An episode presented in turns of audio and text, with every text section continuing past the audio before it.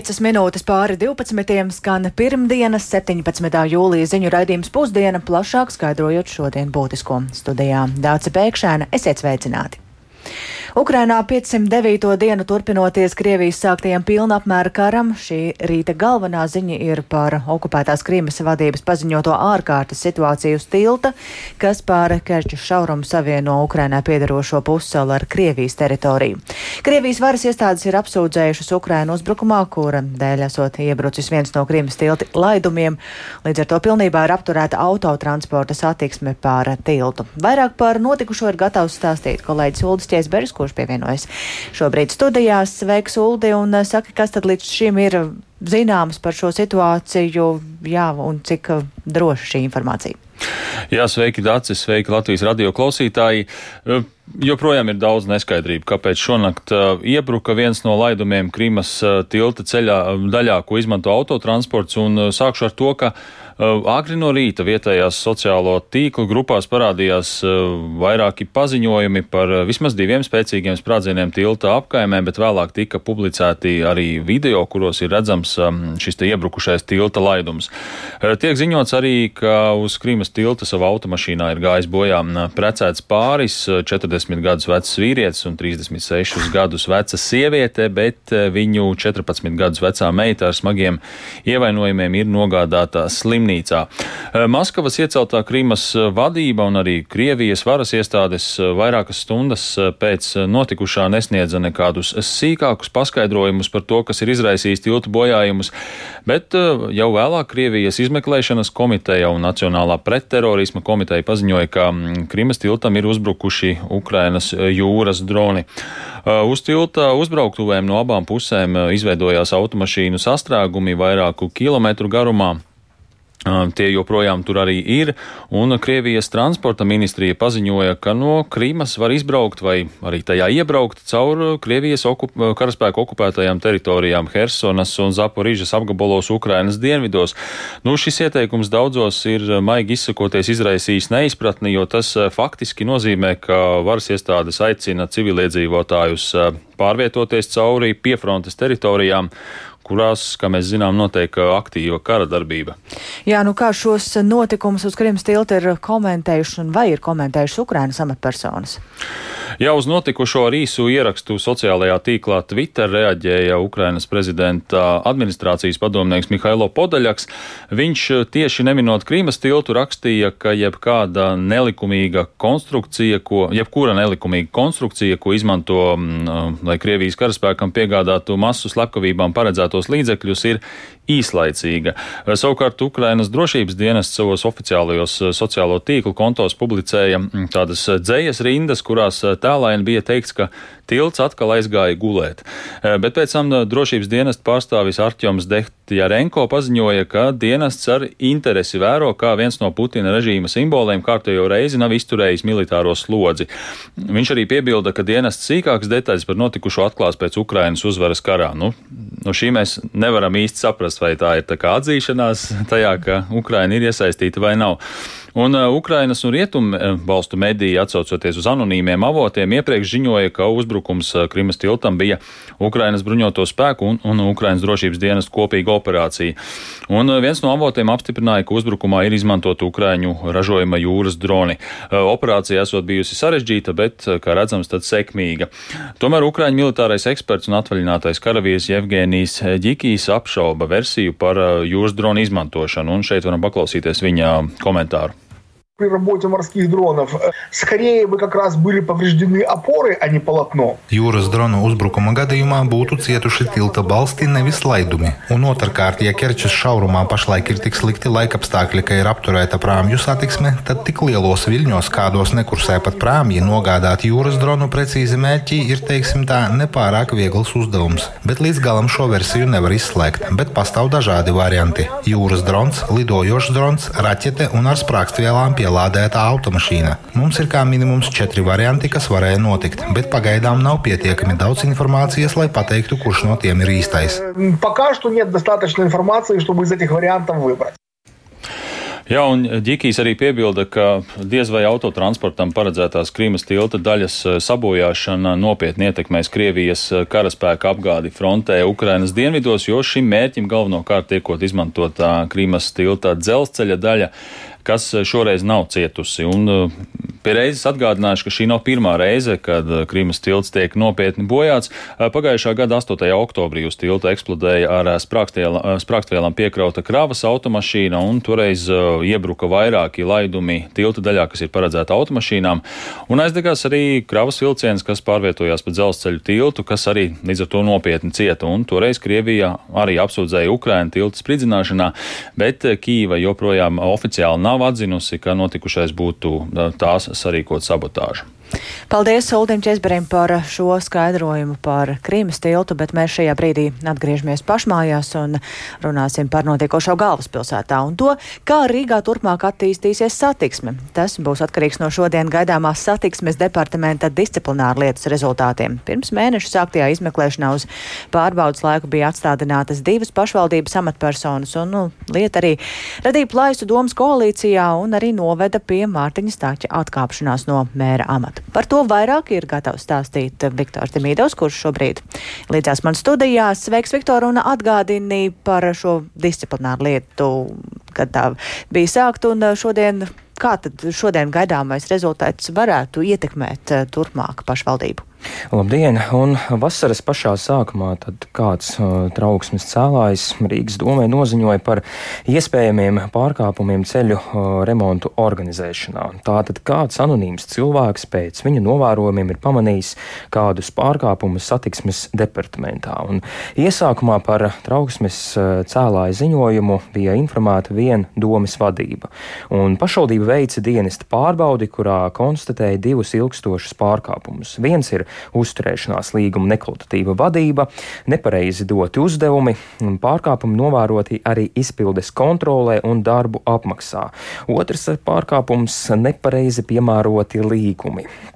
Un saistībā ar šo pirms eh, mēneša Rīgā sākās disciplināra lieta. No amata uz izmeklēšanas laiku atstādināja departamenta pienākumu izpildītāju Jāni Vaivodu un satiksmes infrastruktūras pārvaldes priekšnieku Andreju Urtānu. Un runājot par Vaivodu, tad uh, viņam pārmeta par vairāku miljonu eiro nesaimniecisku izlietošanu. Lai gan precīzi summu pašvaldība toreiz neminēja, vēlāk izskanēja informācija par 6-7 miljoniem eiro. Un jau tobrīd šobrīd uh, pilsētas izpildu direktors Jānis Lange secināja, ka satiksmes departamentā nav izveidota atbilstoša uzskaitas sistēma, kas ļautu pārliecināties par paveikto darbu apjomu un mm, ieklāta asfalta daudzumu. Un uh, runa gan uh, nav par lieliem infrastruktūras objektiem, bet gan par plānveida ikdienas uzturēšanas darbiem. Un vairāk nekā, tātad runa ir par vairāk nekā 50 objektiem, kuros ir pielietots augstais izcenojums un vairākiem tiltiem un pārvadiem ir konstatēts, ka darbi ir mākslīgi sadalīti, lai par vienu kvadrātmetru samaksātu vairāk nekā vajadzētu. Un tā Langi ziņoja pirms mēneša tieši 16. jūnijā uh, tas notika, un uh, norādot, ka pārkāpumi ilguši no 21. gada līdz lietu sāk izmeklēt, nu, respektīvi, sanāk līdz šai vasarai. Un uh, atstādinātais Vaivots šos apgalvojumus uzreiz noraidīja, apgalvojot, ka pret viņu ilgstoši noticis mobbings, jeb psiholoģiskais terors darba vietā.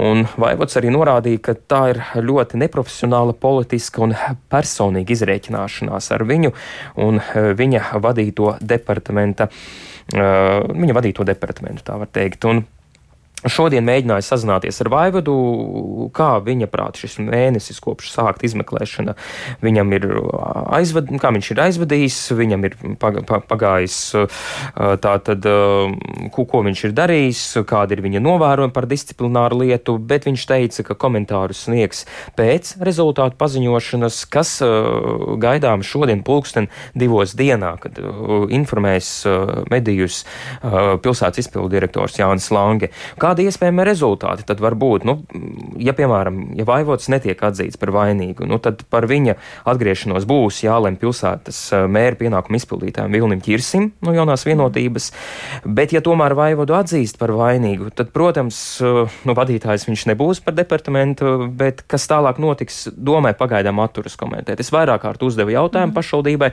kas tad būs, nu, pastāstiet, nu, kādi ir iespējami scenāriji. Pagaidiet, pagaidiet, nesteidzieties. Vēl redzēsim, redzēsim vēl pulksten divos, tas, tas tiks uh, paziņots.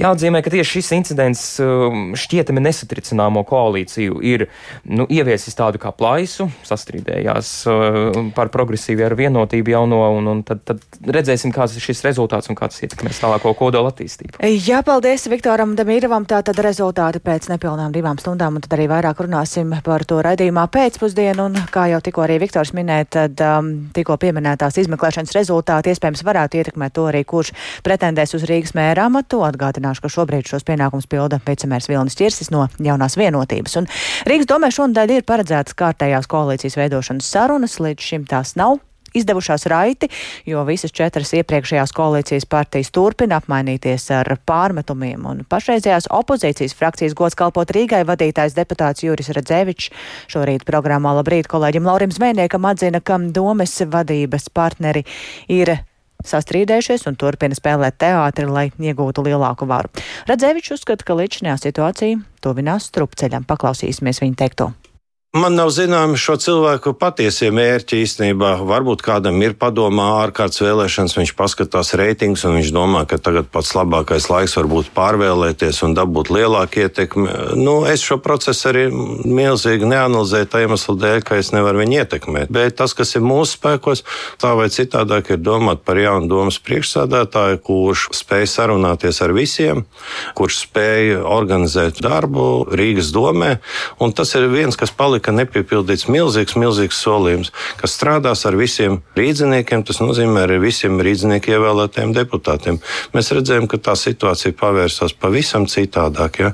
kā atkal saurupi kaut kur tā saucamā pozīcija, jo tagad viņi var tikai saukt tā, tā saucamā, jo, kā mēs redzam, tieši pozīcijas iekšienē, jeb koalīcijas iekšienē bija tas lielākais, tas lielais sprādziens, un mēs tikai varējām pabrīnīties par to, kā tas viss notiek. Jūs sakat, ka jūs šos procesus nevarat ietekmēt, bet vai tad. Uh... Mēs varam. Jā, jā, mēs, protams, ka varam īstenībā. Es runāju tādā nozīmē par ārkārtas vēlēšanām. Šobrīd jau pat opozīcija ir, varētu teikt, diezgan uh, pateicīga situācija. Mēs redzam visas tās nebūšanas, kas ir Rīgā un šī rīdīšanās savā starpā, un es varētu tā teikt. Bet es viennozīmīgi neatbalstīšu šādu pieeju, ka ik pa diviem gadiem mēs taisam vēlēšanas. Man šķiet, ka tieši otrādi ir jāparāda to, ka mēs varam sastrādāties visi kopā, un tāda idejas domstarpība jau mums nav ir vairāk šī mākslīgā kaut kāda robežšķirtne, un tagad arī tā spēle notiek ar to, kādēļ es saku teātris, tādēļ, ka nē, nē, galvenais ne ar gods kalpot Rīgai vai vēl kā citu. Un paprasīt, a, kāpēc, nu, īsts atbildes nav. Nu, tādēļ, ka atkal mēģina stigmatizēt cilvēkus, varbūt arī partijas, jā, un tā skaitā arī mūsu, kas man šķiet, ka, ja, ja mēs esam ievēlēti, tas nozīmē arī šo rīdzinieku daļu, kas balsoja par mums, atbalstīja arī kaut kādā veidā atstumta no kaut kāda jautājuma risināšanas. Jūs arī sacījāt, ka jums tagad ir jādomā par jaunu pilsētas mēru. Kādā virzienā jūs skatāties, ko jūs atbalstītu? Es varu būt pieeja citādāk, ka nevis ko mēs atbalstītu, bet varbūt no sākuma mēs eh, apsēstos un ar mums vismaz sāktu runāt un eh, izzināt mūsu viedokli. Ja, tad mēs varētu sākt kaut ko analizēt. Protams, ka kuluāros tiek runāts un tā tālāk. Mēs gaidām vienkārši. Jūs redzat, stāķi jūs atbalstījāt, ķirsts jūs atbalstītu? Pirmkārt, par ķirškungu ir tā, ja atklāsies tie pārkāpumi satiksmes departamenta, tad eh, kādam ir jāuzņemas arī politiska atbildība par to, kas ir noticis. Ja? Un tādā gadījumā šī kandidatūra baidos, ka viņai būs grūtības gūt atbalstu, tā skaitā arī no citiem deputātiem. Bet es domāju, ka arī jaunai vienotībai ir pietiekoši daudz deputātu kvalificētu, kas, ja gribētu, varētu piedāvāt. Ja? Un tas pats arī attiecās uz progresīviem. Es domāju, ka tie, kuri iestājušies personīgi šajā strīdā, nu, arī diez vai var kandidēt. Tik tālu frakcijas gods kalpot Rīgai vadītājs deputāts Juris Redzēvičs.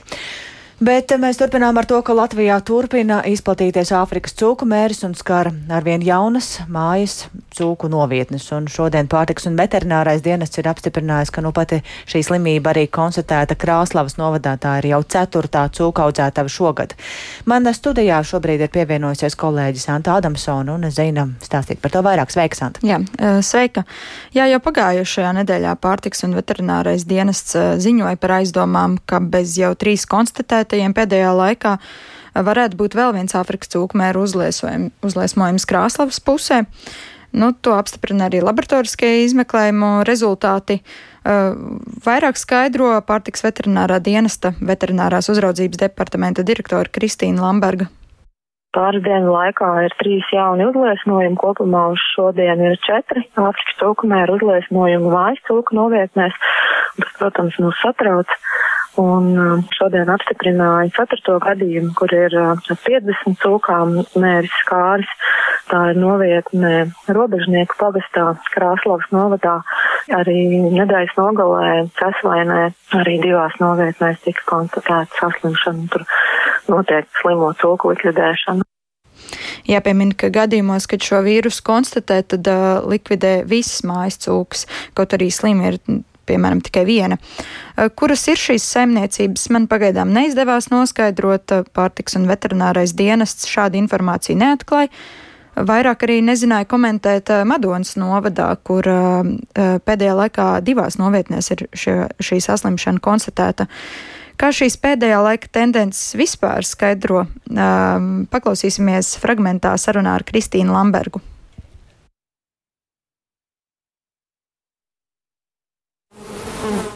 Pāris dienu laikā ir trīs jauni uzliesmojumi, kopumā uz šodien ir četri Āfrikas cūkumēra uzliesmojumi mājas cūku novietnēs. Tas, protams, mūs satrauc.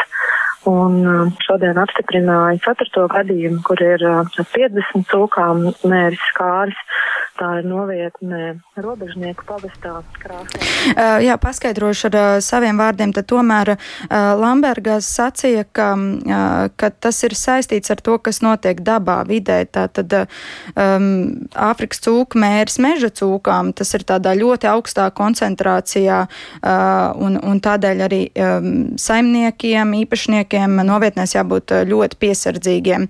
Dienestā arī uzskata, ka mājas cūks ir iespējams pasargāt no mēra, bet ir jāievēro visas droši, biodrošības prasības. Cietušās semniecības arī var vērsties lauka atbalsta dienestā un pieteikties materiālam atbalstam, jeb kompensācijām, bet tur gan arī tad vērtēs, vai ir ievērotas normatīvā aktu prasības un nav kādi pārkāpumi. Kas vēl interesanti, ko gribētu pieminēt, ka dienests ir novērojis, ka iepriekš cietušās saimniecības mēdz atjaunoties un, un atsākt savu, savu darbu vai turēt cūkas, un, un, un ir arī zināms, ka uh, viņās mēdz kā otru reizi jau uh, būt uh, mēris. Jā, bet tad uh, vairāk par šo es stāstīšu pēcpusdienām. Paldies Santai Adamsonai par šo izklāstu. Tikmēr cita nelaime ir piemeklējis Latvijā lielāko pārtiks ražotāju dobels dzirnavnieku. Tā ražošanas ēkā vakar bija izcēlies paaugstinātas bīstamības ugunsgrēks vairāk nekā 500 kvadrātmetru platībā. Dega ēka sešu stāvu augstumā Dzēšanā bija iesaistīti gandrīz 30 ugunsdzēsēji un liesmas likvidētas vakar vakarā. Šodien tur joprojām turpinās seku novēršana, bet, lai uzzinātu, cik būtiski ir notikušā ugunsgrēka postījuma un kā tas ietekmē ražošanu, esam sazinājušies ar Dobels dzirnavnieku valdes priekšsēdētāju Kristapu Amsilu. Labdien! Labdien! Kas šobrīd notiek uh, pie jums un vai uzņēmums turpina darboties pilnā apmērā? Um, jā, tātad saistībā ar uh, ugunsgrēku, kurš izcēlās vakardien no rīta, šobrīd ir, um, ir traucēti, jeb nedarbojās uzņēmuma dzirnavas, taču pārējās ražotnes uh, darbojās. Tātad gan makaronu ražotnes, gan pārslu un arī graudu pieņemšana turpina savu darbu. Šīs sadaļas nav ietekmētas. Tas, kas varētu būt šajā brīdī svarīgi lauksaimniekiem, vai arī graudu pieņemšana nav traucēta nekādā veidā? Graudu pieņemšana nav traucēta un tā šobrīd uh, notiek. Tā kā droši uh, nokultos graudus uh, var vest uh, uz dobeli. Cik lieli ir nodarītie ugunsgrēku postījumi? Nu, šobrīd tiek, tiek vēl aplēsts un, un, un paši mēģinam tikt skaidrībā un, un saprast. Kā šobrīd grūti uh, nosaukt jebkādus ciparus, vai pareizāk sakot, to, to nav iespējams. Šobrīd vairāk strādājam pie, pie seku likvidācijas un konkrētu bojājumu apzināšanas. Vai ir arī skaidrs um, ugunsgrēka iemesls? Šobrīd notiek uh, izmeklēšana, tā skaitā arī mūsu iekšējā uh, izmeklēšana, un, un šobrīd vēl precīzi stāvoņus nevaram pateikt. Es saprotu, ka cietušo šajā ugunsgrēkā tā tad nav, ja? Cietušo nav. Un šajā brīdī uh, jūs turpināt uh, strādāt, uh, vai tas ir kāds ārkārtas režīms atsevišķās daļās vai, vai, vai nē? Protams, šobrīd, šobrīd mēs strādājam tādā ārkārtas režīmā.